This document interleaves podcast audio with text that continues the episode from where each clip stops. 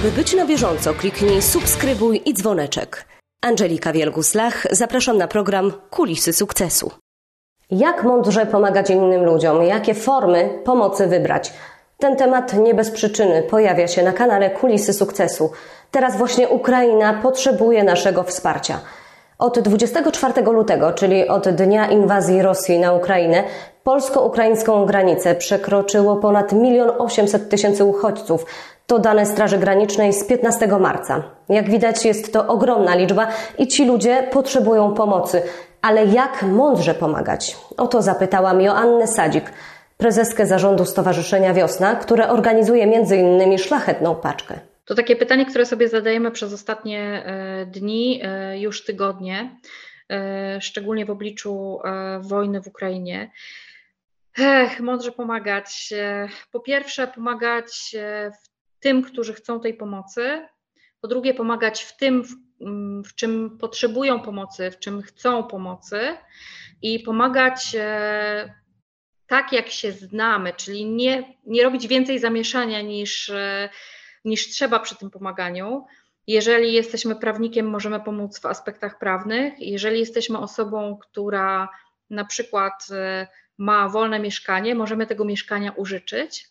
Jednocześnie trzeba liczyć e, siły na zamiary, bo mądra pomoc to taka pomoc, która też nie jest pomocą e, krótkotrwałą. Jeżeli bierzemy na siebie obietnicę pomocy, realnej pomocy drugiemu człowiekowi, to musimy e, też brać za to odpowiedzialność i myśleć o tym, że ten drugi człowiek na nas liczy, więc nie możemy go zostawić, jeżeli nam się znudzi, jeżeli źle oszacujemy swoje zasoby, e, jeżeli się zmęczymy.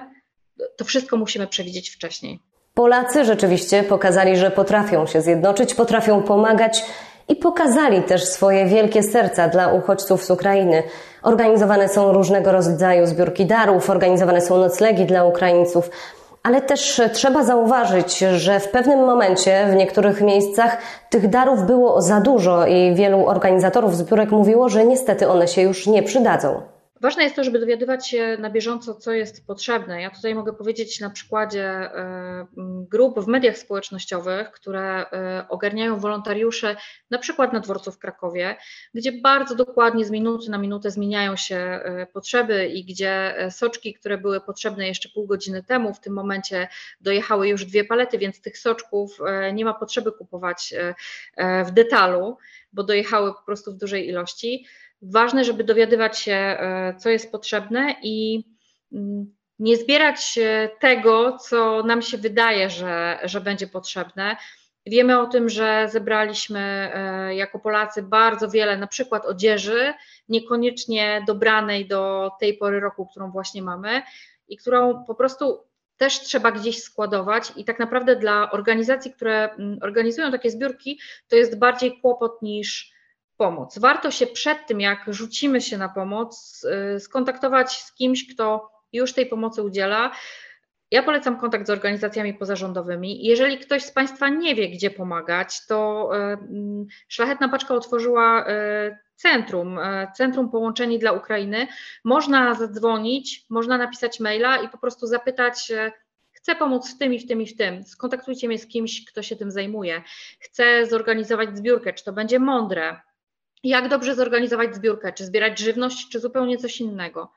No i zawsze polecam, e, jeżeli zastanawiamy się, nie mamy miejsca w mieszkaniu, nie chcemy też robić kanapek, e, boimy się kontaktu e, z osobami, których języka nie rozumiemy i zastanawiamy się, co możemy w takiej chwili zrobić, to tak, powiedzenie, że każda złotówka ma znaczenie, jest prawdą. Organizacje pozarządowe, e, takie chociażby jak Szlachetna Paczka, wiedzą, co z tą złotówką zrobić i e, na pewno żadna się nie zmarnuje. Warto też zauważyć, że na nieszczęściu niektórych ludzi inne osoby się bogacą.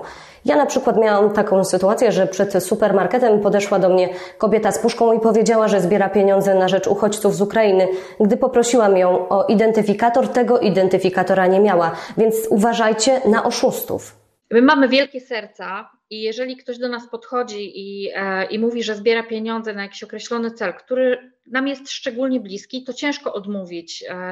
E, Jednocześnie ja zachęcam do tego, żeby wpłacać na znane, sprawdzone organizacje pozarządowe, czyli w momencie, kiedy Państwo wpłacacie, nim wpłacicie jakikolwiek datek, e, sprawdźcie, kim jest ta osoba. To, co Pani powiedziała, Pani poprosiła o potwierdzenie. E, to, to jest bardzo mądre działanie, żeby nasze pieniądze trafiły rzeczywiście tam, gdzie byśmy chcieli, żeby trafiły. E, najprościej jest zrobić przelew.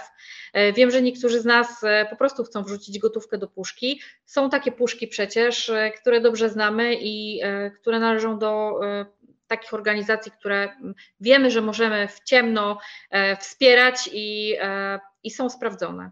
I pamiętajcie, że w pomocy chodzi o to, żeby myśleć o osobach, którym pomagamy, a nie o tym, żeby zrobić sobie dobry PR. I uważajcie też na oszustów, miejcie oczy dookoła głowy.